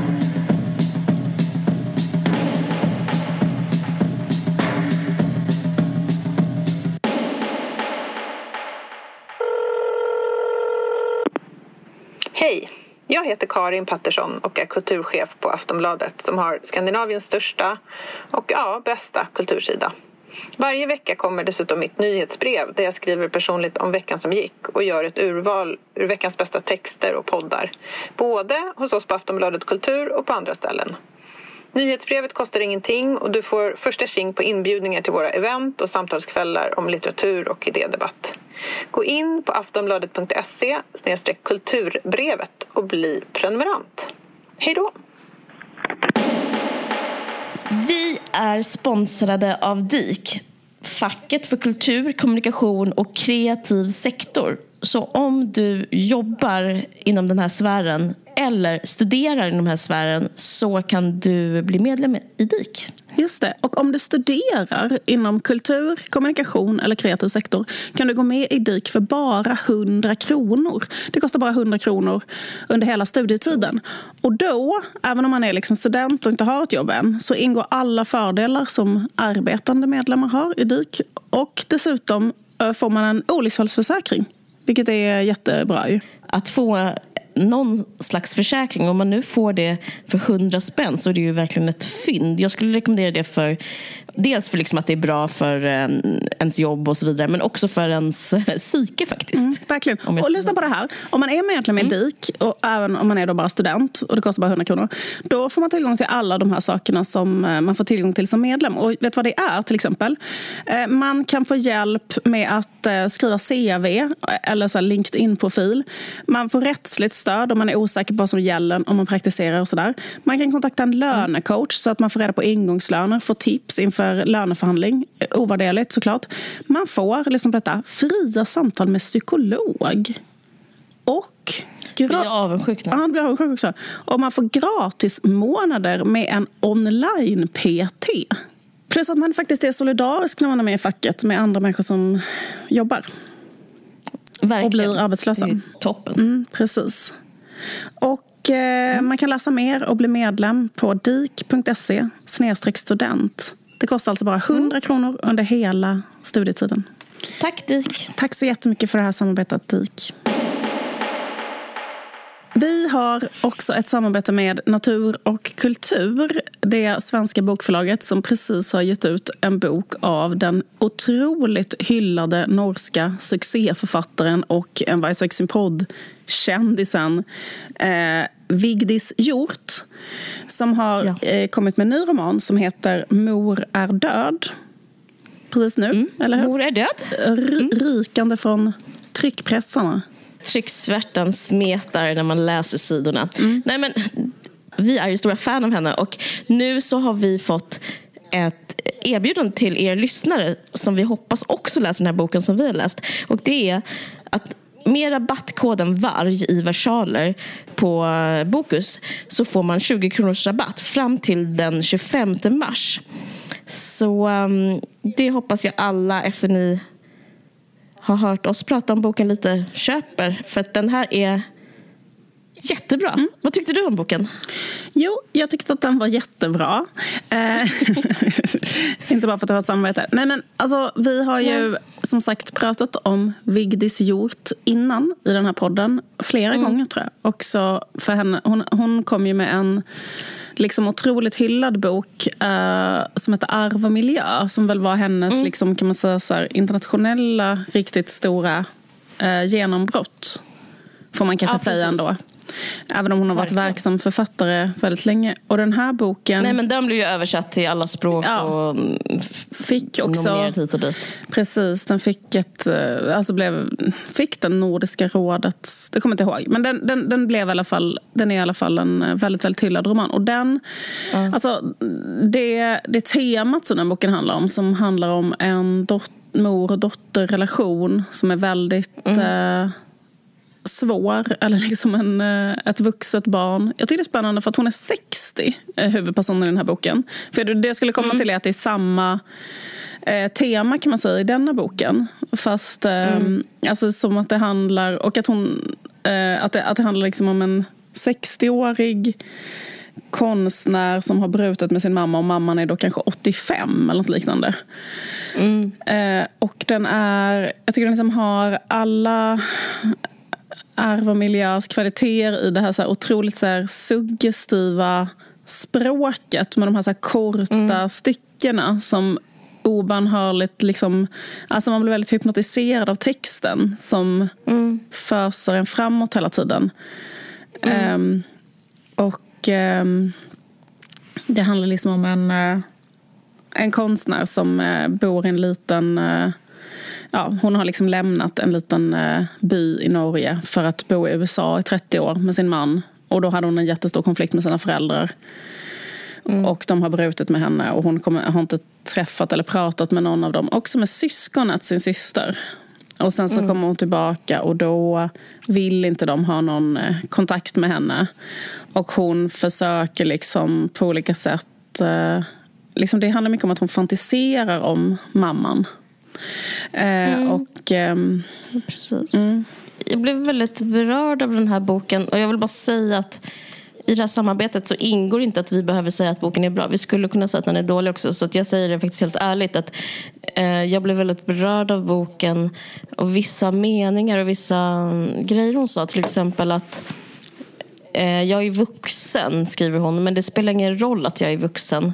Eh, det är ändå min mamma. Mm. Jag tyckte det var liksom så klaustrofobiskt och eh, ett intressant sätt att se liksom, för, föräldraskap och eh, mor och eh, dotterrelation och allting. För man tänker ju att eh, man kanske inte är så beroende av sina föräldrar när man slutar vara det ekonomiskt och helt sådär eh, husrum och värme och liksom när man är 20 ungefär så kanske man klarar av att leva sitt eget liv. Men det, hon, det Vigdis Hjorts förtjänst är, vilket hon även gör förtjänstfullt i Arv och miljö det är att liksom beskriva de psykologiska skeendena. Alltså, jag fattar inte ens hur hon kan göra det. Att liksom beskriva hur psyket fungerar. Det är väldigt eh, eh, nästan obehagligt att läsa tycker jag. Hur, hur liksom ens mamma kan ha som klor i en fast rationellt eh, det är en infekterad relation som kanske till och med är destruktivt så beskriver hon egentligen kärleken till en mamma. Mm. som, um, som en destruktiv kärleksrelation beskriver hon det. Mm. Och, och det är ja, det, det, är väldigt smärtsamt och väldigt ärligt. Och, um, och Det är intressant att läsa det. För att det finns ju också en annan... Att säga att mamma, man har en dum förälder, en dålig mor, det är liksom lite ointressant. Men hon gör ju liksom inga undantag eh, för sig själv. Alltså, eller mot liksom jaget i berättelsen beter sig eh, också irrationellt och elakt och eh, gränslöst. Och det, det, det liksom gestaltar hon också. Så hon liksom beskriver en relation på ett nästan jag ska säga, det, det är, väldigt, det, det, är liksom väldigt ärligt och det är väldigt eh, psykologiskt korrekt hela tiden. Så, och eh, vad ska man kalla det? Det är, liksom, det är som en bladvändare fast inte en deckare. Mm. Håller du med om det? Det är väldigt så här, det går, man liksom vill veta vad som händer. Ja, ja, jag tyckte det var så kul att läsa den. Alltså, ja. så typ att jag hela tiden längtar efter så här, får jag fem minuter så jag kan liksom läsa vidare i den här boken. Alltså, mm. eh, för att den, är så eh, liksom, eh, fångande. Och det, hon skriver så otroligt bra. Och det är så, man vill veta verkligen liksom, vad som händer. Men verkligen också att det är egentligen ett slags porträtt av hennes mamma. Och sen är det ju den här grejen liksom, att hon, även om alltså, som är den här fruktansvärda grejen i liksom föräldrar-barn-förhållanden på något sätt. Att mm. barnet liksom ärver mammans liksom mörker eller vad ska man säga, psykiska ohälsa eller brister. Eller, alltså du vet så att om mamman är, mamman är liksom, mamman vet inte om själv, eller mamman kan inte artikulera mm. själv att hon är olycklig. Mm. Men barnet märker det för att hon också är olycklig. Förstår du? Eller liksom att hon, eh, mm. ja. Eh, och mamman skulle kanske inte svara på en fråga. Så här, är du lycklig eller olycklig? Skulle hon säga att hon var lycklig. Förstår du vad jag menar? Men hon är mm. inte det. Och hon trivs inte där. Hon vill inte vara där i det huset med dem och så. Mm. Och hon tycker inte att det är så kul att vara mamma till de barnen och sådär. Och då liksom... Nej liksom går det in i barnet. Liksom, utan att mm. alltså de här som vibrationerna mm. eh, går vidare såklart. Mm. Och, och liksom det som är så smärtsamt i för då eh, berättarjaget i boken är liksom att det hon vill är ju att det ska erkännas liksom att du var, alltså, du mådde inte bra. För de låtsas ju bara att allting är bra och sen har de ett barn som är liksom ett degenererat psycho. Liksom. Mm. Eh, och annars fanns det inga problem i familjen så att säga. Förutom att det barnet var liksom ett ruttet äpple typ. Så. Eh, men eh, hennes, hon vill ju liksom på något sätt göra gällande att det var liksom någonting, någonting som fanns i familjen som gjorde att det blev så. Ja. Och det känner man ju, alltså det, det, liksom så hela den eh, familja, liksom, dynamiken och hur man Allting som har att göra med föräldrar och barn och föräldrarelationer. Alltså, ja. Tyckte du man kände igen det från Arvo miljö eller vad tänkte du? Ehm, ja, precis. Alltså, det går väl inte riktigt heller att så här, inte tolka in det i att det finns ju en biografi som är att hon har Såklart, ja. brutit med sina föräldrar. Och att mm. de var ju väldigt arga över arv och miljö. Um, Just det. Och att i, ja, i den här... Det ger mervärde ja. åt arv och miljö att läsa den här. För det är liksom man får en sån... Det är ett slags efterspel. Jag tror att det, det, det som du säger, den, fin, den finns ju i relation till arv och miljö. Så så man liksom förstår eh, vilket offer en sån bok kan vara. Liksom. Ja. Det, eller det är gestaltning av det i alla fall. Jag tycker det, det har också det har något att läsa det. Men jag tänkte på liksom en annan sak som är likt med båda böckerna. Som jag tycker hon uppehåller sig Jag läste en jätteintressant essä av Rebecca Kärde eh, som pratar om Vigdis.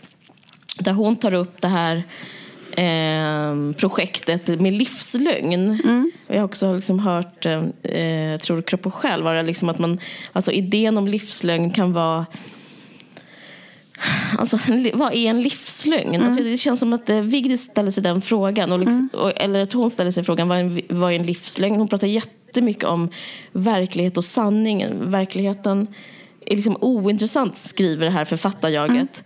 Mm. Eh, men, och sanningen har inget med verkligheten att göra. Och, och det tycker jag är väldigt eh, filosofiskt intressant om mm. jag får eh, mm. sätta sån hög hatt på mig. Mm. Liksom att jag, det är liksom någonting som är Eh, som också har med konst och litteratur att göra. Liksom att, hon pratar om den här konstnären i boken som försöker måla, måla sig fram till någonting mm. som är inom henne. Mm. Och kanske internaliserat eller liksom nedärvt så som du beskriver. Mm. Och så kommer det ut igen i, liksom, i konsten. Mm. Och så är det sanningen. Och på grund av sanningen som hon upplever så blir hon förskjuten från sin familj. Mm. Men sen så vad som hänt på riktigt det kanske var att de var helt okej okay föräldrar men att det var liksom en konstig stämning hemma. Mm. Jag vet inte. Mm. Men jag tycker det är rätt så intressant. Och eh, i den här essän av Rebecca Kärda i DN så pratar hon om eh, det här med livslögnen och eh, kan man ju läsa om man efter man har läst den här boken ska man läsa den i sen. Jag ska bara citera första meningen som hon i sen skriver så här. Där hon, det är också ett citat. Tar ni livslögnen från en genomsnittsmänniska så tar ni lyckan från honom på samma gång, säger Relling till Gregers Werle i Henrik Ibsens pjäs Vildanden. Sådana tankar fick jag efteråt. Liksom tänka så här, men typ hur man ska vara som förälder själv eller hur man ska vara som människa själv. Så att så här, och som hur Vigdis Hjorts karaktärer har det. Jag tycker de verkar så ensamma och har det så jobbigt. Mm. Eh, och det är liksom en gåva till oss läsare att att få, liksom, få ta del av alla insikter som kommer med att vara en sanningssägare. Men det är... Jag vet inte. Eh, jag kan också förstå folk som vill ha en livslögn. Mm. Alltså, mm. Man förstår båda. Man mm. förstår liksom en, den, den, den förtryckta och den eh, förljugna modern i den här kan jag också ha sympati för. Mm. Jag förstår hennes förljugna projekt. Och på ett sätt kanske hon eh, skulle må sämre av att erkänna sanningen. Men det är liksom mycket sådana frågor så, som hon okay, måste också, rör sig kring. Precis, men jag tycker också att det är så här, väldigt svårt det med att vara en mamma och ha barn. För då kan det vara så här att man mår ganska bra. Om man tänker tillbaka på sitt äktenskap med sin man, om kanske 85, så har det liksom varit kanske bra 75 procent av tiden. Så med sin man, man kanske saknar honom jättemycket och sådär, han har dött och så. Men under fem år, när ens första barn var 0 till 5 så hade man en uh, jättejobbig kris och mådde mm. skit och funderade hela tiden på att skilja sig och kände att man hade jättemycket ångest och så. Och som 85-åring så är de där åren inget man tänker tillbaka på särskilt mycket. Det blir liksom så bara en del, liksom det var en fas. Jag var så här. Men för en bebis, så här, från en 0-5-åring, så präglas... Nej men fattar du, men det är jätteobehagligt. Ja, det, det präglas in i den ungen så här, jätte, jätte, jättemycket. Och så här, du ville skilja dig, för det är ju någonting som hon mm. misstänker att den här eh, mamman ville bort från familjen. Mm men inte kunde. Eh, för att hon var eh, liksom, lite i klorna på pappan. Mm. Men det kanske var så här, ja men det ville jag några år där för att jag kanske hade en 40-årskris, fattar du vad jag menar? Men mm. sen mm. så efter det hade vi 37 år eh, som pensionärer där vi hade mm. ett underbar samvaro, bara en mm. lycka och sådär. Liksom, och det var min livskamrat. Och, alltså fattar du vad jag menar? Alltså, och, men, men liksom att sådana saker blir så, och sen när barnet kommer tillbaka och säger så här, det var så här när jag var liten, så är det så här, va? Det var inte alls så när du var liten. Alltså man kommer kanske inte ens ihåg det själv. Att det blir så här, för barnet Nej. är så här, barn är så himla övernaturligt. Eh, alltså, förstår du vad jag menar? Vibbar ju in på bara så här. Mm. Eh, vad är det för vibb i huset? är ju liksom det barnen mm. liksom Mm. Eh, sen så tror jag, alltså det är kanske olika barn, olika känslor, men det känns som alla barn nästan är så ändå. Att ja, man kan liksom... Jag tycker det verkligen blir så här, blir, man får liksom en påminnelse om så här, att man måste sköta sig eftersom barn fattar allt. Man måste vara lycklig, det är det som är så sjukt. Ja, man måste lycklig. man, måste lycklig. Man, man, måste vara lycklig, ja. man måste liksom se till att man eh, man kan inte lever. ljuga. Nej, precis exakt. Eller, det är också svårt därför att man... Eh, Man, och att inte ljuga betyder inte så här, att man inte ska, man ska inte berätta allting för sina barn självklart. Man kan inte berätta allting. Nej, nej. Men sen så också är ju också den där lärdomen såklart att uh, när, alltså fast det vet ju vi så mycket. Jag måste säga att detta handlar om en äldre generation. För jag tror att Ja. liksom, vi är, vi är liksom, våra föräldrar är ju vid, Vidgis generation nästan. Alltså så. Just alltså det. den generationen kom ju med jättemycket med det här Dels Mm. ändå på något sätt jagets frigörelse. Alltså det var hela den 68-generation. Sen efter det, man, kan liksom, det är out of the box, hela det här. Att, Mm. eh, att familjen, att de relationerna måste gå att prata om och att de inte... Jag menar, ja, det är ju liksom... Men hon beskriver en borgerlighet som redan Som, uppgjord den med... känns helt... Eh, Gud vad den känns... Eh, så där skulle ju ingen säga nu för tiden. Alltså, alltså så, eller, Nej, fast det är ändå, eller, fast på andra man sätt känner sig ändå ödmjuk över att liksom läsa om det tycker jag. Också så här, kvinnans roll. Jag tänker på andra liksom, Ibsen Ibsen-dramer, men liksom Nora och Dockhem hit och dit. Att så här, ja men eh, liksom, vad gör det med att vara i för det är nästan starkast som beskriver att mamman inte fick köra bil och fick inte jobba. Och därför fick hon inte vara sitt autentiska jag. Men liksom, den här dottern då såg hennes autentiska jag. Eh, men nu är det också en annan situation, vilket väldigt, känns väldigt skönt när man läser den. Men det är en, liksom en ödmjuk påminnelse om hur det är typ, att vara beroende i, av sin äkta make i ett äktenskap. Alltså det, det är också den förtjänsten som eh, eh boken har, tycker jag. Liksom, som en Precis, historisk... och sen så liksom, kanske det, eh, eller liksom, sen kanske det ändå är så för att det, liksom, det jag menar när de inte skulle säga samma saker. För nu är det liksom så här att jag tror att idag så säger inga, alltså jag vet inte, för jag tänker på så här, hur barn har det idag. Alltså jag, tror, jag tror att Mm. den generationen som växer upp nu kommer få lika mycket psykiska problem fast liksom av andra skäl så att säga. Alltså typ för att Verkligen. Eh, nej men liksom, för, för där är det Ja. som att föräldrarna, alltså hon ritar en jättefin teckning och då säger pappan Mm. kanske, och så kanske fröken har sagt, jag tycker du är jättebra på att rita och så säger pappan, nej det tycker inte jag att du är. Alltså, Mm. eh, liksom sådana föräldrar, alltså föräldrar som säger så till sina barn, det, det tror jag är helt... Alltså så att ingen förälder, det finns ingen förälder som inte står och tindrar och liksom... Eller men jo, det finns ju, men alltså, du fattar vad jag menar. Eh, Comme il faut är inte att Ja, säga så. liksom Nej, men liksom, innan var det mycket mer så att man kunde säga liksom, till sitt barn att eh, du ska vara tyst, din lilla dumsnut, och det vet inte du någonting om. Och nu, små grytor eh, ska inte prata. Alltså, alltså, så var det ju eh, på ett helt annat sätt. Och det känns ju ändå så här, som att det är något annat som Små händer nu. grytor ska inte prata. Små så grytor har också lock. Små grytor har också öron. Det sa de hela tiden, att små grytor ska inte prata. Men, nej, men, eh, Absolut. Nej, men jag fattar vad du eh, menar. Jag tänker på Tove Ditlevsson också. För att Ögon, det är nej, hennes- man ska ha öron. De små ska vara öron men inte mun. Eller hur, hur är det uttrycket? Alltså att man ska lyssna men inte prata. Det är symptomatiskt att vi inte Ja. vet det. Det Nej, beror på att vi eh, inte har haft det så. Nej men gud, vi har absolut inte haft det så. Men Nej. jag måste säga att en annan sak i boken är så här, liksom att jag måste säga att jag känner så här, för att hennes problem är ju hela tiden det här bara, ja men någon uppmuntrade inte mig, jag, jag var jättebegåvad i skolan och jättesmart och blev sen en världsberömd konstnär. Och min son är sen en, världs, eller liksom en jättelyckad altviolinist. Alltså fattar du menar? Som bor i Köpenhamn. Så allting rör sig i en sån... Liksom att... Fattar du menar? Typ att man bara, jo, jo, fast... Det är inte att ha riktiga problem i en familj. Alltså förlåt. Alltså, eller förstår du vad jag menar? Så, så kan man känna på ett sätt att så här, jo, jo, jo, men eh, liksom, vad hade hänt om det var så här, ja, de sa att jag aldrig skulle kunna bli konstnär för jag hade inte vad som krävdes. Och sen så kunde jag inte bli konstnär för jag, det var för svårt. Alltså en sån typ av historia. Eller så här, och sen fick jag ett barn och, den, och det barnet var en eh, hemmasittare typ, som aldrig blev... Ja, men alltså, för att jag menar, och han ärvde Ja. också vår psykiska ohälsa. Och sådär. Alltså, alltså typ att Ja. liksom, det är liksom inte alls så, utan det utspelar sig i en värld där det finns väldigt mycket framgång samtidigt och liksom otroliga eh, triumfer. Liksom.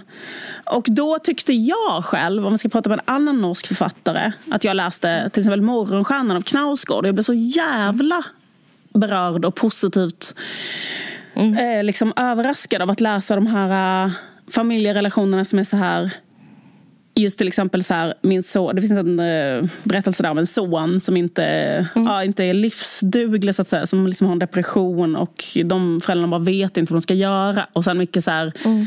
eh, människor som jobbar på väldigt vanliga jobb men som man aldrig läser om. Typ så här, hur, det, hur, hur det är att jobba med autister till exempel. Som man, jag har just många det. kompisar som gör det och har gjort det. Men, och som har berättat för mig hur det kan vara. Men jag har aldrig läst det i litterär form. Så för att, eh, och då tänkte jag liksom att det att behöva gå varje dag och göra det jobbet och hur det är eh, mm. var något som är någonting, liksom att så här, man kan bli lite så trött på det jävla det var så jobbigt för mig för att jag var världens mest framgångsrika konstnär. Jag och min son var altviolist. Men, men jag tänker att det är en symbol för hennes författarskap. Jag jo, det är klart att det är. Konstnär. Det, det, Nej, ja, men det är klart att det är. Därför förlåter jag det menar jag. Alltså därför gör det så här trovärdigt. Hon pratar om sig själv. Ja, liksom. Men absolut. jag, jag hajar vad du menar. Jag, jag fattar vad du menar. Jo, men jag tänkte på en sak som också som jag tycker, alltså för jag tycker den här boken är läskig. Måste, alltså, mm. Den liksom kryper under huden på mig. Och det gjorde Arvid Miljö också. Men jag, jag tänkte på Tove Ditlevsen, men har gjort ett, ett barnporträtt. Man har, man har gjort, ett barn illa. Ja. Man har gjort ett barnporträtt. Mm. Um, man har gjort ett barn illa. Och den är så bra. För där beskriver hon hur hon sitter i köket, Tove Ditlevsen. Hennes mamma läser tidningen Tove Ditlevsson rör sig inte. Hon vill, liksom, vill inte eh, göra något ljud. Hon vill liksom inte eh, ta någon uppmärksamhet. Hon vill liksom bara frysa ögonblicket. För att hon älskar sin mamma så mycket. Så till hennes högsta önskan är bara att få sitta och titta på sin vackra mamma med mammas vackra hår. Men så händer någonting, kanske en klocka slår eller någonting och då bara bryts ögonblicket och då säger mamman något taskigt till Tove igen och eh, deras intimitet som kanske inte ens mamman delar med Tove Eh, den bryts. Och det finns liksom en olycklig kär, att vara olyckligt mm. kär i sin mamma. Mm. Det är eh, något som är väldigt real. Ja. Som man känner som barn. Alltså, så, jag, jag, känner igen mig och jag tycker också, liksom kär i sin mamma.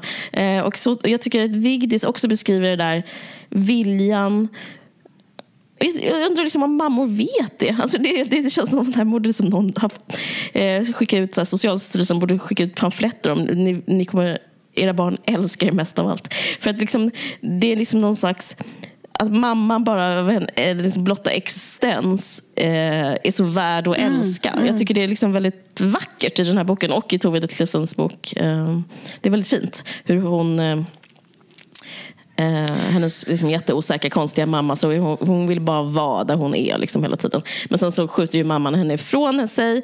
Och eh, så blir den kärlekshistorien den är omöjlig på något sätt. Och på ett sätt tycker jag det, liksom, det är det boken handlar om. Um, mm. Verkligen.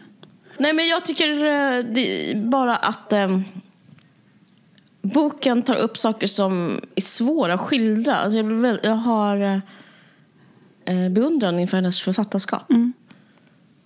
Det var fett. Och det är kul. Eh, ja. Och om ni går in på Bokus och skriver in koden VARG i versaler så får ni 20 kronor rabatt vid köp av den här boken. Tack så mycket Natur och kultur. Tack så jättemycket Natur och kultur.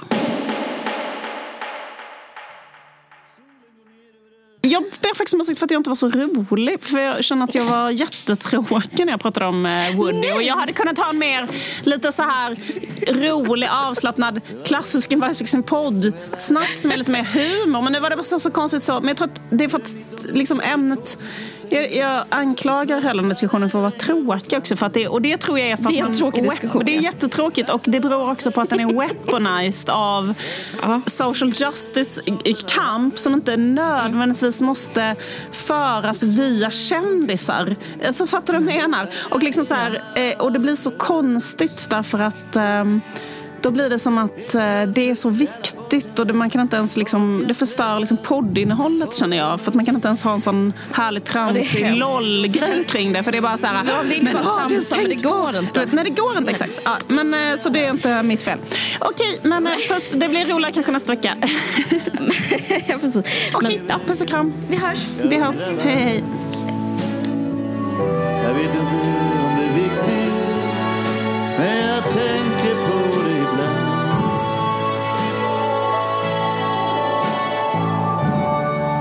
Jag tänkte på Bodil Malmsten. Hon var också längst ut på jorden.